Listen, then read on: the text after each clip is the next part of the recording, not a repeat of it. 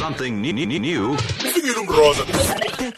Nosibu. Siphinde futhi sikukhumbuza ukuthi unondumiso wakakhumala esihleli naye la ongumbhako wamakhekhe sizokhuluma naye njengomuntu omusha eh, ophinde futhi ke athande kakhulukazi ke imfundo eh, ngoba siyathola ukuthi ke ngalokuthi ke wafunda eCabane Primary School eh, uke wabu- waba mm, lapha ya AUKZN wafunda wathola i-degree kwi community development kanjalo ne sociology wathola i-honors kuyona kodwa njengamanje eh, uregistele i-masters kwi-commerce khona futhi ke AUKZN kuningi ke sazo lokhu sikuzwa ngaye ungumbhaki wamakhekhe unane business lamakhekhe.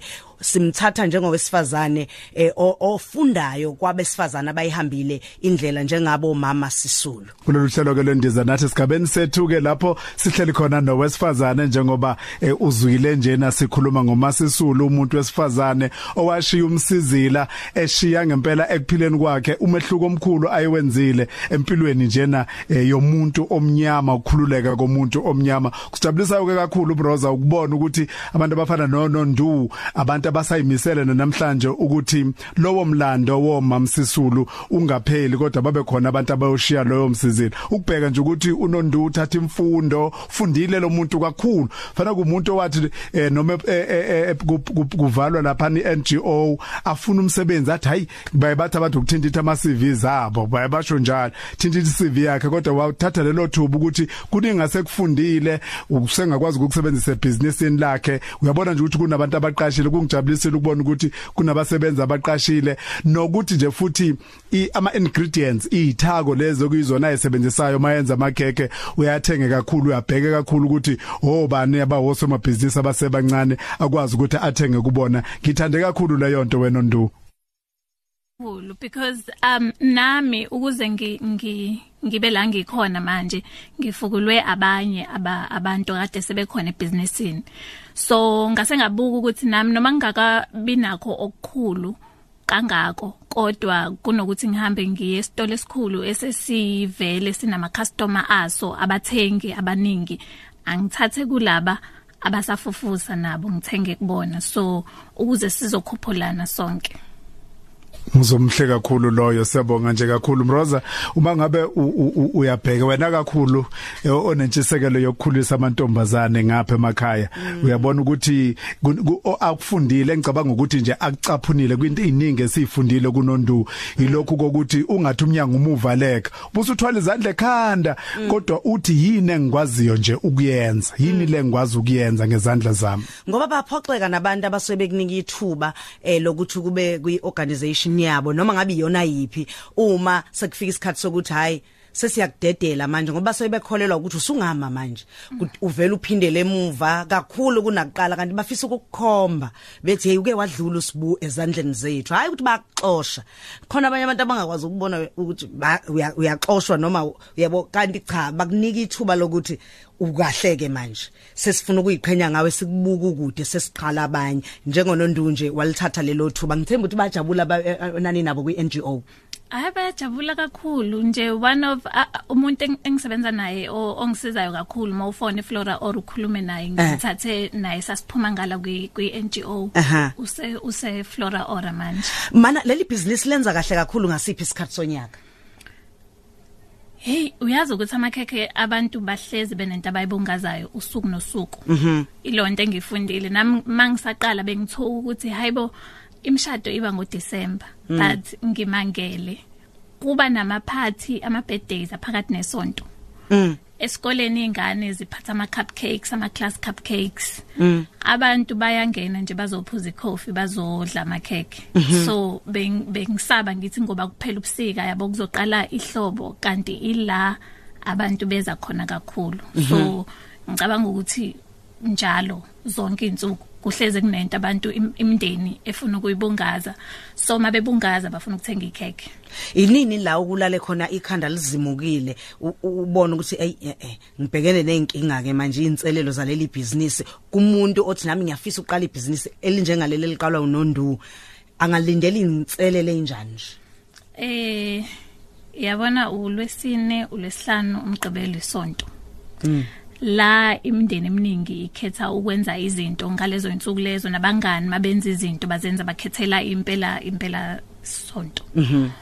Awukho wena lapho ngoba naba abanye bazolanda amakhekhe abo ugcina awusakwazi uk- uk- ukuhamba uyo- uyo ukuyo- ukuyoba kanye nabantu abakuthandayo nomndeni wakho ngoba kufanele u- ukhiphile amakhekhe. So isikhathi sakho nje ne ne ne ne- ne- lwesine lwesihlanu umgqibelo a- asikho. Ngisho abantu abakuthandayo abakutholi ngalezo insuku umgqibelo. Kuze kube ngconywana ngesonto sengaze ngayitshena ukuthi isonto ngivulela abazolanda ama-order bese ngiyavala ngo-11 ukuze ngizoze ngibe nesikhathi nami neseyingane endlini. Ngibheke ukuthi ngeso isonto lonke liqala umsebenzi wesikole uhamba kanjani ngiba prepare ukuthi ku- kuzoqala isonto futhi. But nje yo impilo yakho igcina isirawunda la emakhekheni lawo wenzayo Mhm. Selihambeke laze laba kusiphi isimo leli business lakho selokhu liqalile. Mm selokhu liqalile. Ngicathi ukuthola le ndawo lena engiyitholile ngisebenza kuyona bengiyitshena ukuthi hayi seku right sengi ngi right manje ngizokwazi ukwenza amakhekhe. Mm.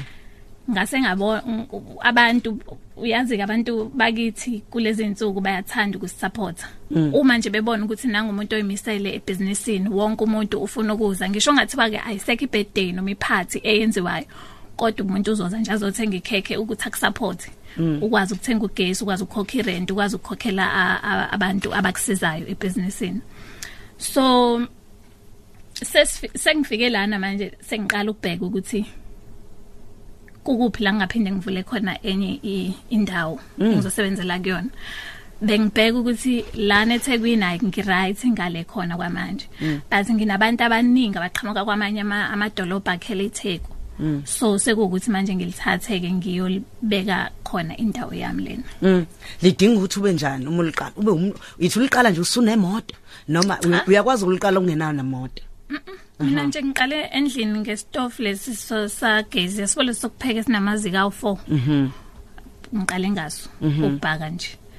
Kuukuthi ke kufanele ushintshe im- im- impilo if unephupho wazi ukuthi ufuna ukuyaphi ngesikhathi esingaka ushintsha nendlela ophila ngayo. Kunezinto nje o- oyekayo ukuzenza. Kunezinto ebengizithanda mina bezingenza ukuthi ngiphile yabo ngizibona ukuthi hayi ke ngiyaphila manje but kwafanele ukuthi ngiyeke kuzona ukuze ngizokwazi ukubeka i- i-send phezu kwelinye. Khona ngizokwazi ukuthi ngithenge isitofu sesibili. Mose ikhekhe maliphuma esitofini usulipholisile kufanele lingene e- endaweni ebandayo. Thola indawo ebandayo. Yabo ukuthi njalo usuku nosuku kunento efunekayo kunento efunekayo ukuze ngize ngikwazi ukuphuma ke sengisebenzele endaweni lengisebenza kuyona. But akusho ukuthi kufanele uzobe nemoto angakabi nayo namanje imoto yok- yokudeliver kunezinto engingakobi nazo. Mm. but ngiyasebenza. Ngiyakuzwa. abantu bayeza bazothenga amakhekhe. Hey uthi u- u- umbishop un- unhlapho uya uy- uyabhala naye la uthi ayi unenkinga enhle emnandi. Eh njengoba kade ukhala ngokuthi lwesina ulalo lwesihlanu ulalo umgqibela ulalo uthi yona inkinga ke emnandi ke le uthi yona inkinga.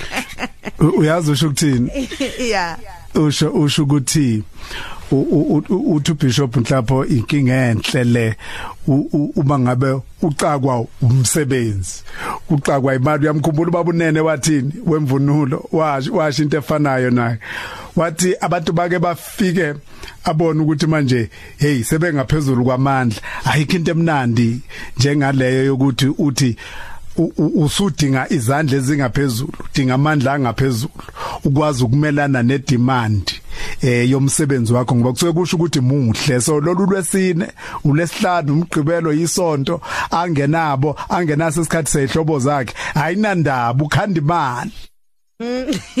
Uyabona nje usho sishilo ukuthi ungabi uphathe kabi ngoba usuku ukhanda imali wena ngaleso sikhathi leso. uthe futhi akuona amakhekhe kuphela nezimbali ehe nembali ngiyazenza. Aha. imbali zona be- bengiyitshena ukuthi hayi yabona uma usaloku uyitshena ukuthi hayi amakhekhe azo azo nika in- indlela imbali imbali zizozalwa amakhekhe. Eh bengilokhu ngenza nje kancane kancane kancane kancane. Kwavele kwaqhamuka iorder ebelilikhulu kanjani? Ngiyitshena ukuthi angeke ngikhoneke la. Ngathi ngithi ngiyadlulisa wathi umuntu olifuna ngilifuna kuwena ha? Angeke ngiliyise kwenye indawo uwena ozongenzela lezi imbali lezi. Aha. Um bekuse ICC yep. One of ama ama- amahall la khona amakhulu. Woo. so ngathi ha if ngikwazile ukuthi ngi ngi- ngihambise imbali ngesikhathi lezi bezifuneke lapha lezi engaka sikwazi nabantu abangisizayo ukuthi sizenze sizihambise abe happy futhi um- um- umuntu lona esimhambiselayo. Sesiyazenza ke imbali seniyazenza imvali Ng- nazo njalo hayi ukuthi wayiyela esikoleni. Cha. U- u- uyasebenzisa nje ubukela ungene nje bushilo wathi internet ifoni yakho ubukela Ifoni. ubheka ulwazi. Unabantu abakwazi ukwenza kangcono lokho uhlangane nabo. Sibhekeke kulesithathu ihora isishumi nje kuphela ngaphambi kokumbana kolesithathu kanti ke sikhumbuza ukuthi balibumbana nje leli sithathu WNP iyahlala nawe ke kuze kube eh, ngo 6 o'clock ntambama. Sihleli ke nenkosazana esinayo nje siyithwesa uphaphelo gwalagwala ngomsebenzi omuhle eh, ewenzayo. Uyamangalisa lento yokuthi uno unondu uhambe waye university wayofunda wafunda kakhulu ngokuthuthukiswa komphakathi eh, community development. Njengamanje wenza waphinde wafunda isociology inhlalo yomphakathi inhlalo nje yabantu. Njengamanje wenza imasters yakhe eh kwi commerce ezama business ezomnotho njalo njalo. Kahle kahle kahle lo muntu unolwazi oluningi kakhulu kodwa wasebenzisa lokho angazange akufunda esikoleni. Njengobuzwa amakheke akazange wafundela esikoleni. Ufunde nje ekhaya. Eh, yimbali akazange ayifunde esikoleni. Ufunda nje ekhaya. Ulwazi lakhe bese lithuthukisa ngefoni yakhe esesandleni sakhe. Hey bakithi abalaleli bethu kufanele ngabe khonto abayifundayo kakhulu la Mroza. Kakhulu kulento yokuthi umuntu angathi angiyange university angathi umuntu angitholanga ithuba lokuyofunda. Yebo. Kufa kufanele u- u- nokuthi ke enye into engisizile kakhulu mina ukuthi ngibhekile ukuthi abobani aba- ababhaki ababhaka amakhekhe engithi mangwabuka nami ngifuna ukukhipha imali yami kwathenga bese ngincika kakhulu ukubona ukuncela ulwazi. Because a njengoba bengisho masiqala ukuthi usuku nosuku mawuvuka ekseni ukuze ukhule kufanele up- uphokophelele ukwazi. Ungalali kunento ongayazi. Ikuhluphe leyo nto. So ngiyabafonela ngiyabahlupha kakhulu. Ukufuna ulwazi uku- ukuzikhulisa ngoba kokunye uthola ukuthi la efonini kunento ah, mhlawumbe utidwe igama uthola ukuthi ezweni labo labekhona balibiza ngenye into kanti ngalana eSouth Africa eyenye into. So sengizobuyela kubona ukubuza ukuthi into ebizwa kanjena iyini itholakala kuphi? Em base bangisiza ke kakhulu ke Dadwethu siyabonga kakhulu nondumiso sikufisela inhlanhla ebhizinisini lakho eh mhlambe ke abafisa ukwazi bakuthola kanjani nabasefisa ukubona nje lo mbu- lo lo msebenzi wakho omuhle kangaka eh ukuze bakwazi ukuthi ke bakuthole imshado imingcwabo eh kuningi okwenzakalayo eh okudinga ibhizinisi lakho Eh okay unondumiso ibhizinisi igama lalo uFlora Ora. Mhm. Eh li ngikhona ku Facebook uFlora Ora ubhalwa ngo F L A U R A A U R A Flora Ora. Mhm. Bese ku ku Instagram nakhona ipage likhona u@floraora. Ku Twitter ngikhona futhi @floraora nakhona. Bese angazi number ngiyakhona ukuyishiya? Ya ungas- ungasinikeza inombolo nanokuthi ke futhi i coffee shop yakhe ikuphi nendawo ivulwa ngasikhathi sini bangafika ngasikhathi sini? Okay. Um i- inumber yethu u081 314 2676 sise number 39 at Rain Road e Stamford Hill Morningside. Um nje mohamba ngo Stamford Hill Road noma uhamba ngomngeni uAdrain uzobona then sise number 39 isitolwana nje esipink esihle sinembali namakhekhe ngaphandle. Mhm. Siyatholakala ke khona insuku zonke sombuluko kube ulwesihlanu singena sivula u8 sivale u5 ntambama. Eh ngomgqibelo sivula u8 sivala u2 ntambama. Ngesonto ngisuke ngivulele laba basuke befakile ama order ngo noma ngo Facebook noma ngefone noma be be- becele ku Instagram then bona ke bese beyawalanda ama order abo ngesonto ngivala u11 okay. Siyabonga kakhulu dadwethu. Ngibongile Flora kakhulu. Ora. Sipho somculo senzathela 12 kuya ku 3